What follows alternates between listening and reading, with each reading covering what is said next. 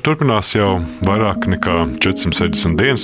Katru dienu Ukraina piedzīvo jaunus Krievijas raķešu uzbrukumus, iet bojā iedzīvotāji. Pēc mēneša Viļņā 11. un 12. jūlijā notiks NATO samits, kas varētu iezīmēt jaunu alianses politiku Ukraiņas un NATO attiecībās. Mūsu radījuma viesis ir Mārtiņš Vārguls, Latvijas ārpolitikas institūta direktora vietnieks un pētnieks un Rīgas Tradeņu universitātes lektors. Labdien! Sveiki! Kā jums šķiet, cik ilgi Krievija var atļauties šo karu? Pārfrāzēšu nedaudz jautājumu, cik ilgi Vladimirs Putins var atļauties šo karu. Kāpēc tā? Es pat gribētu teikt, ka spēle uz ilglaicību ir tas, ko Vladimirs Putins šobrīd ir pieņēmis kā savu stratēģiju, ar domu nogurdināt rietumu sabiedrotos, ar domu nogurdināt gan Ukraiņas sabiedrību, gan arī Ukraiņas bruņotos spēkus un politisko eliti. Tas, ko mēs esam novērojuši, zināmā mērā arī atbildot uz jautājumu, Krievijas sabiedrība ir iedrošinājusi Vladimiru Putinu turpināt ja mēs tā raugāmies un analizējam, tad nu, lielākais satricinājums viņa personīgai politiskā režīma stabilitātei, es gribētu teikt, bija lielāks tad, kad Aleksis Navaļņīs atgriezās eh, atpakaļ Maskavā, kad viņš uzreiz tika arī arestēts. Nevis pēc 24. februāra šāda veida protesta akcijas mēs neesam, šāda mēroga protesta akcijas mēs neesam novērojuši. Tā kā sabiedrība iedrošina, nu, viņš spēlētu šo ilgtermiņu spēli. Protams, pamatots jautājums ir par spēju um, ekonomisko spēju kapacitāti un militāro spēju un kapacitāti. Um, no militārā, militārās loģikas, jā, lieli izaicinājumi, bet tajā pašā laikā tie resursi, lai gan arī novecojuši, arī, lai gan arī jau nu, sen kā nepieciešams pēc tam modernizācijas, viņi ir diezgan daudz, un to resursu klāsts ir diezgan plašs. Un mēs šobrīd runājam galvenokārt par sauszemes spēkiem, kas ir izmantoti no Krievijas puses. Nu, daudz dažādu veidu, ar dažādu intensitāti raķešu uzlidojumi, bet tas arsenāls ir īpaši gaisa dimensijā, viņš ir ievērojams iespējams Krievijai. Tā kā atbilde slēpjas gan tajā, ka ir vēlme to paildzināt maksimāli ilgi, gan otrs, kas arī ir mūsu mājas darbi, acīm redzami gravitācijas centrs no Ukrainas puses ir stāsts par rietumu atbalstu militāro līdzekļu nodrošināšanā ne tikai uz sauszemes, bet arī tieši tā gaisa, gaisa dimensijā. Cik pamatots ir šīs bažas, ka, nu, ka tas karš iegājis tādā rutīnā, ka mēs viņu vairs nemanām un ka tas ietver arī attiecīgi zināms riskus? Tas ir liels risks, tas, ka mēs pierodam pie kara. Tas, ka mēs šo uztveram par jauno realitāti, par jauno normu, kurā mēs dzīvojam tā tam nedrīkstētu būt. Tīpaši šo. Nu, šo mēs tas ir rietumi, mēs es, esam Baltija. Mēs tie rietumi, mēs NATO, mēs Eiropas Savienība, mēs Latvijas sabiedrība, mēs katrs individuāli, ja, kā mēs uz to raugāmies. Mēs esam pieraduši. Redzam, ka arī plašsaziņas līdzekļos un pamatot zināmā mērā nu, Ukrainas karš ieiet 2, 3, 4 plāksnē. Arī šeit pie mums Latvijā. Tas daudz ātrāk bija otrā, trešā prioritāte, piemēram, Francijā. Un to skaidri pierādīja, ja Francijas prezidenta vēlēšanās Krievija bija starp nu, top viens, top diviem jautājumiem, tad jau parlamenta asamblejas vēlēšanās Krievijas jautājums kopējā vēlēšana diskursā bija 4. un 5. plānā. Vai tas nozīmētu, ka mēs arī aizmirstam visu to, ko mēs darījām pašā sākumā, kad karš sākās, kas bija nu, dažāda līmeņa palīdzība Ukrainai, dažāda veida iniciatīvas, valstiskas, nevalstiskas. Jā, un es domāju, ka arī mūsu sabiedrības kontekstā nu, mēs redzam ar vien mazāk šīs brīvprātīgās iniciatīvas un darbības sabiedrības līmenī, nu, kas no vienas puses ir pašsaprotami. Ja? Mēs nevaram dzīvot jau Ieejot otrajā gadā, nevaram dzīvot visu laiku ar šādu trauksmes sajūtu, bet kas attiecās uz valstisko līmenī, um, valsts nodrošināto palīdzību militārā un finansiālā jomā Ukrainai, tur nevar būt vietas nogurumam. Pagājušajā gadā, kas ir arī veikts pētījums, analīze par to, cik daudz valstis ir ieguldījušas Ukrainā, ņemot vērā IKP uz vienu iedzīvotāju, Latvija bija pirmajā vietā. Un es domāju, ka Latvijai ir jāpaliek pirmajā vietā, lai arī cik ilgi šis karš būtu. Es atgriežos pie savas tēzes. Ukraina karo mūsu karu. Ukrainai zaudējot šo, mūsu drošības izaicinājumi ievērojami pieaugs.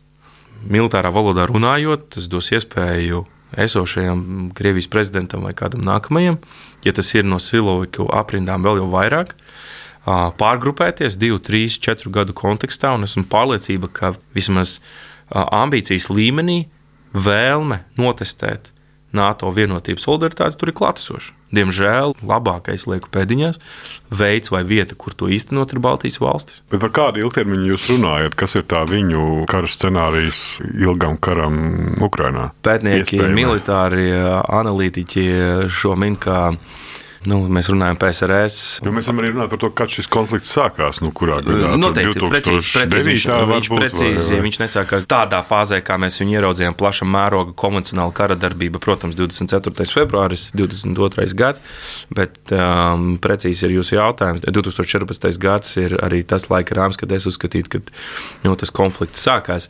Pamatot, es domāju, šo analoģiju vēl kā ar PSRS un Afganistānu, uzskatot, ka Ukraina var būt varbūt Putina Afganistāna, velkot tiešas references uz to, kā PSRS nespēja panākt ilgtermiņā, vairāku gadu, ja mēs desmit gadu perspektīvā runājam, mērķus, tika ieguldīti ievērojami finanšu līdzekļi.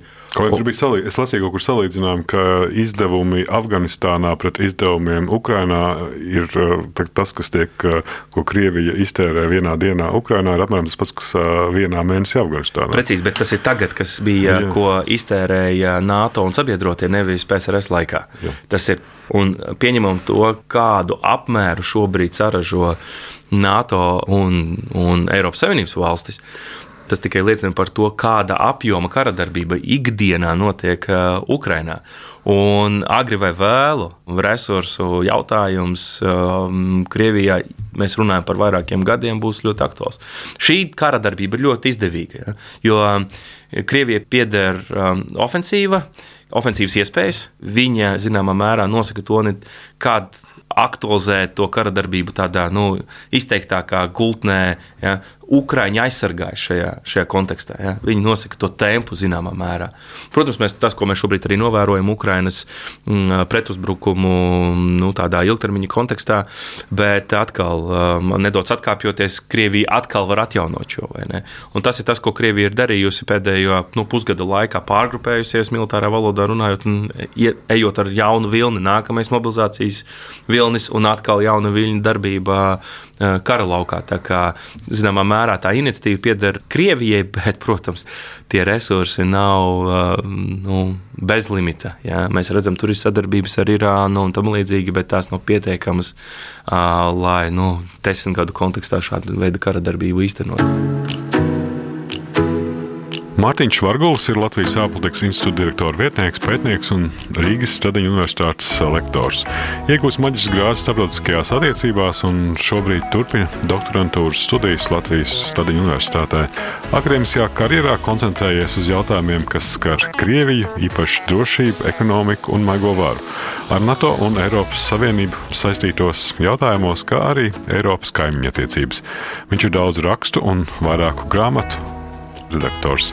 Savā ilgadējā profesionālajā karjerā kā pārstāvis Latvijas Republikas aizsardzības ministrijā ir bijis aizsardzības politikas un stratēģijas nodaļas vadītājs, kā arī diplomāts Latvijas Republikas pastāvīgajā pārstāvniecībā NATO un Eiropas Savienībā.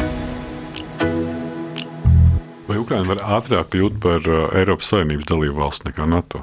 Es teiktu, ka jā, vēl vairāk. Es neredzu, ka pie esošiem apstākļiem uh, Ukraina varētu kļūt par NATO dalību valsti. Kļūt par Eiropas Savienības dalību valsti ir nu, no tādu kritēriju izpildes viedokļa grūtāk, ja, kas pārēc izmaiņas tiesu vārā, uh, dažādi demokrātijas indeksi, finansiālā situācija, ja, Kopenhāgenes kritērija vairākās jomās, vairākās dimensijās, kas ir jāizpilda. NATO nereti tas ir vairāk politisks lēmums no drošības perspektīvas raugoties. Bet ņemot vērā, ka tā tad ir neatrisināti teritoriālie jautājumi Ukraiņas kontekstā, un mēs šeit nerunājam tikai par, protams, notiekušo karu, bet joprojām Krīmas jautājums ņemot vērā to, ka atgriežos, tomēr ir tādas valstis kā Ungārija un Turcija. Un šeit NATO kontekstā es redzētu, ka tur būtu veto balsojums no it īpaši Ungārijas puses. Ka Ukraiņas iestāšanās NATO nu, esošajos apstākļos es vienkārši neredzu kā tas varētu notikt. Kuras, jūsuprāt, valstis šobrīd nu, veido tādā strateģiskā nozīmē Eiropas kodolu nu, šo jautājumu lemšanā? Mēs piedzīvojam, vai esam tādā zīmīgā posmā, es teiktu. Daudz akadēmiski pētnieciskās uh, vides uh, analītiķi teiktu, ka mm, Eiropas gravitācijas centrs pamazām virzās no centrāla rietuma Eiropas uz austrumu Eiropu un pirmkārt uz nu, Varšavu.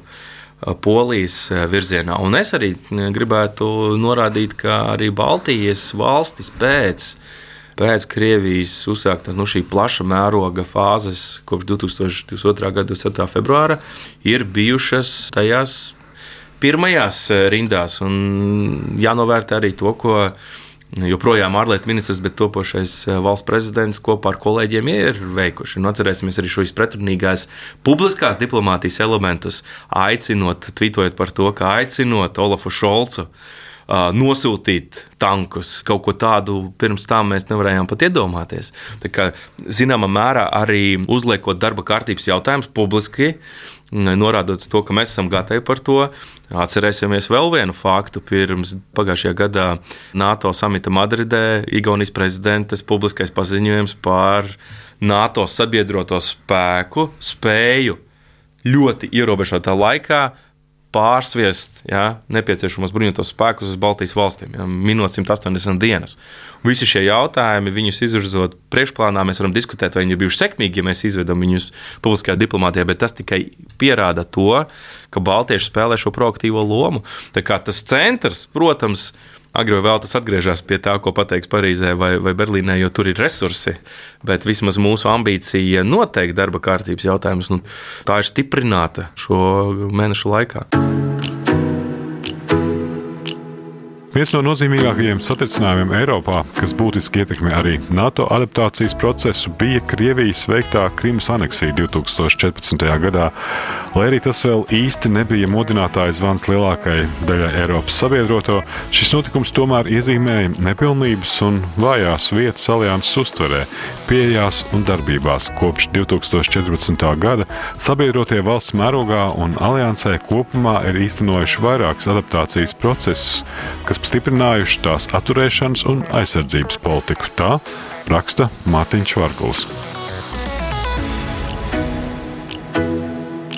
Bet kā tad būtu veidojamas nu, šīs diplomātiskās attiecības vai vispār kāda veida attiecības ar Krieviju šobrīd, vai tās ir vienkārši jāatliek līdz brīdim, kad beidzās, jo arī augstā kara laikā taču, nu, attiecības kaut kādas pastāvēja un tika veidotas un risinātas. Jā, mēs esam jaunā, dažādi, protams, starptautiskajā pētniecībā termini jaunais augstais karš, jaunais augstais karš divi.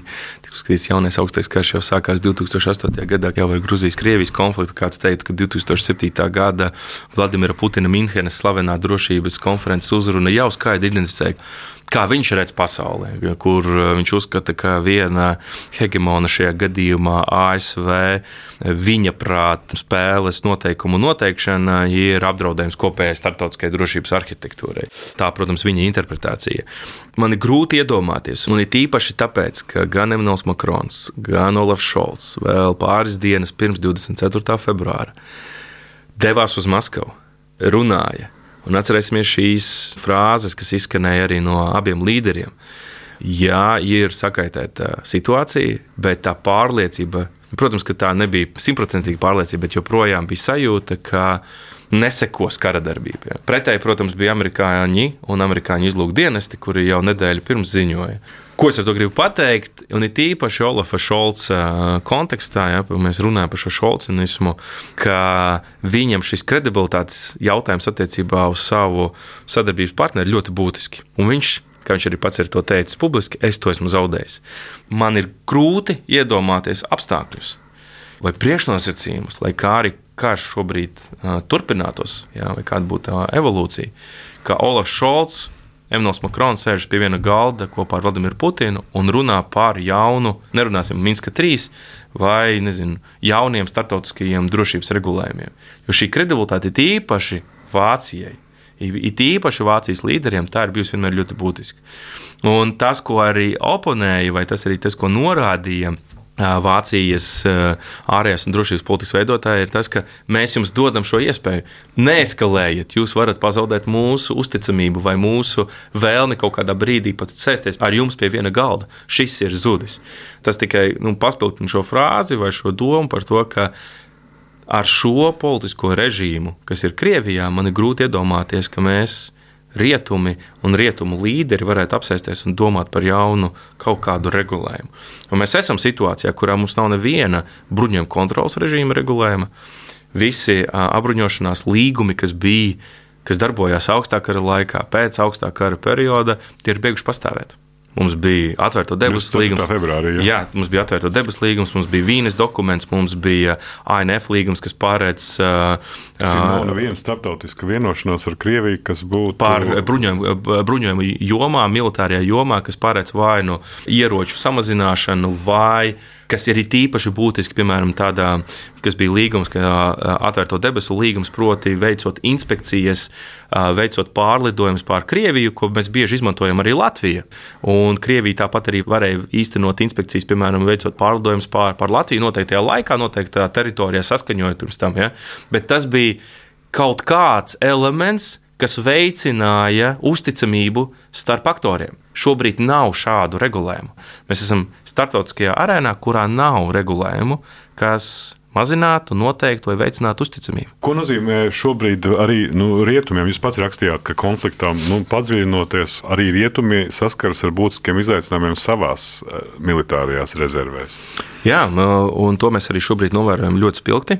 Šī frāze par to, ka statistika, ko arī ģenerālsekretārs eh, atklāti arī ir paudis, proti, dienā tiek izšauts eh, tik, cik mēnesī mēs varam saražot šeit, Eiropā. Nav tālu jāmeklē. Vācija gaisa pretgaisa aizsardzības sistēmas, ARST, kas bija domātas Vācijai, tās lietošanai tiks nogādātas uz Ukrajinu, un tas jau ir iztrūkums Vācijai. Nemaz nerunājot par citām valstīm, kuras pat nespēja saražot šādas pretgaisa aizsardzības sistēmas. Mēs runājam par būtiskiem izaicinājumiem, par nepietiekamu finansējumu.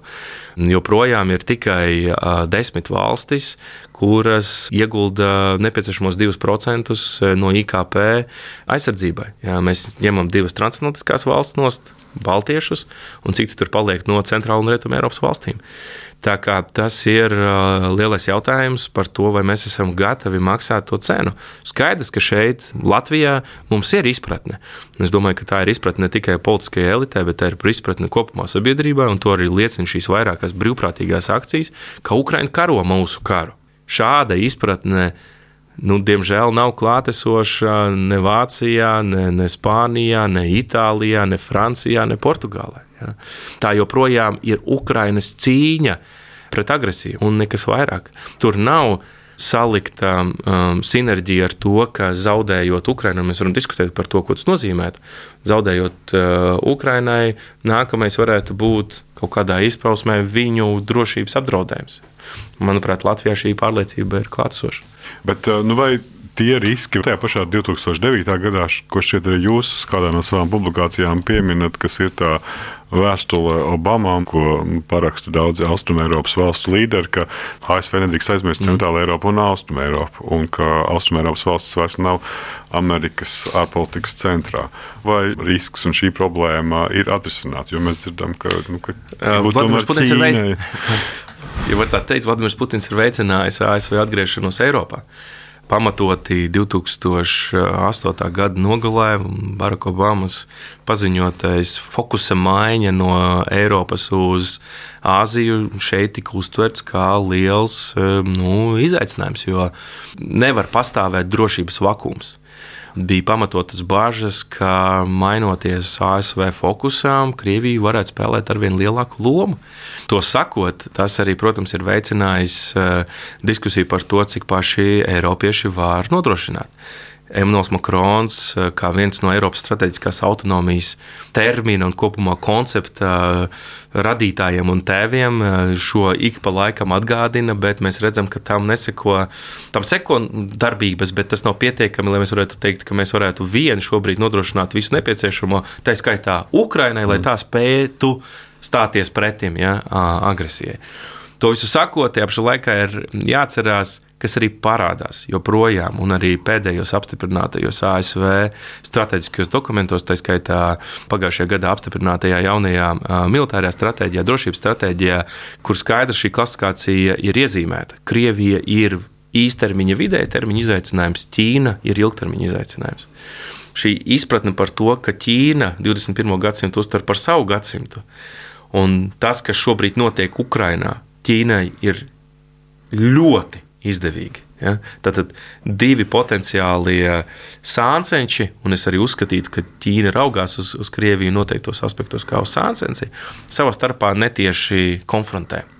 Un šajā laikā Ķīna, Ķīna šajā laikā Ķīna turpina audzēt savu ekonomisko varu, turpina būvēt militāro varenību, tiešām pārnestā nozīmē, ar jaunu salu palīdzību, izplešoties, nodrošinot reģionālā hegemona statusu, kas ir apdraudējums tādiem sabiedrotajiem, ASV sabiedrotajiem kā Japāna, Dienvidkoreja. Ja.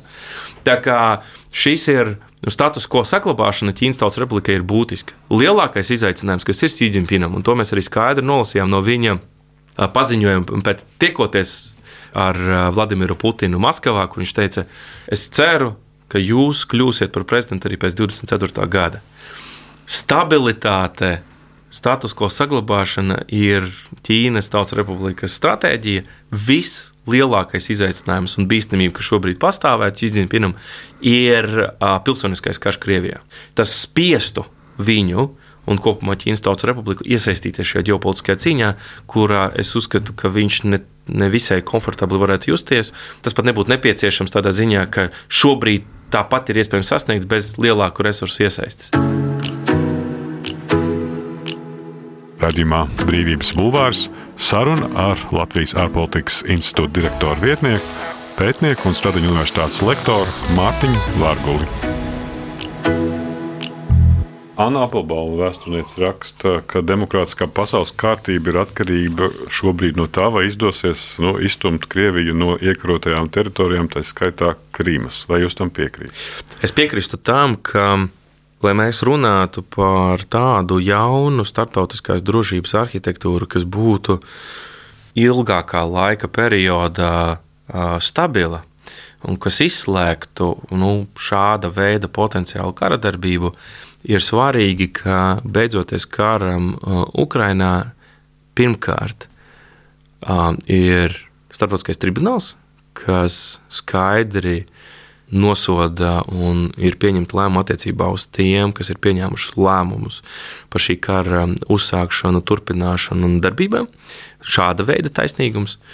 Otrs, tad, kad mēs sēžamies pie manis pieminētā galda, sarunu galda, kas agrāk vai vēl tāpat notiks, ka rietumi, NATO un Eiropas Savienība ir no spēka pozīcijām. Proti, gan militāri, gan politiski Krievija ir sakauta. Tieši tāpēc šajā brīdī, mm, par ko arī Vladimirs Zelenskis bieži norāda, mēģinājumu akcentēt no dažādiem līderiem aicinājumus negociācijām, nu, tiek pamatot uztverts ar, ar, ar bažu vai nosodījumu. Jo pie sarunu galda šajā kontekstā ir jāsēžas no spēka pozīcijām. No spēka pozīcijām, kad konkrēta valsts ir sakauta tās mēģinājumā iekarot citu. Un tad mēs runājam par jauniem starptautiskiem līgumiem, regulējumu, nosacījumiem un kontekstā ar to, ka ir bijis starptautiskais tribunāls. Kas ir tās nu, nezinu, militārās resursu nepietiekamība Latvijā visas šīs palīdzības rezultātā? Jūs domājat, attiecībā pret pret mūsu pašu robežu un aizsardzības spējām. Līdzīgi kā citas valsts šobrīd nu, palīdzam tīri tiešā veidā militāri Ukrainai. Es gribētu teikt, ka nu, es atgriežos šajā stāstā par dimensijām. Sauszemes dimensija um, ir um, pēdējo gadu kontekstā, un tīpaši pēc 14. gada Varšavas samita 2016. gada lēmumiem kad šeit arī nosūtīti sabiedroto spēki, mūsu sauszemes komponente ir ievērojami stiprināta. Joprojām lielie izaicinājumi ir gaisā un jūrā, bet tā kā tie ir ļoti dārgi elementi, tad tas prasītu visu trīs Baltijas valstu ikgadējos budžetus. Ja, tikai par konkrētu gaisa vai jūras elementu iepirkšanu. Mēs redzam, kas ir atkal ir pozitīva tendence, ka ir vienošanās starp Latviju un Igauniju attiecībā uz pretgaisa aizsardzības sistēmām, bet tas ir jau tagad skaidrs, ka tikai ar Igauniju un Latviešu ieguldījumu ne, nu, nebūs pietiekams. Vēl būtiska ir nu, cieša integrācija starp sabiedroto spēkiem un mūsu nacionālajiem spēkiem. Tie ir klātesoši, bet to testēšanu mācība tādā x stundā D dienā mm, un to gatavību un iesaista no pirmās minūtes, tas ir ļoti būtiski. Tā kā šī frāze par to, ka Vladimirs Putins respektē spēku un, un varu, Un, savukārt, ja jūs viņiem dosiet jebkāda veida vājuma izpaustu, viņš to eksploatēs savām vajadzībām. Mums ir jārada vēstījumi, ka šeit ir militārā kapacitāte. Otrs, sabiedrībā ir gatavība aizstāvēt valsti. Joprojām aptaujas rāda, ka nu, mēs runājam par vienu trešdaļu Latvijas iedzīvotāju, kuri būtu gatavi karot ar ieročiem rokās.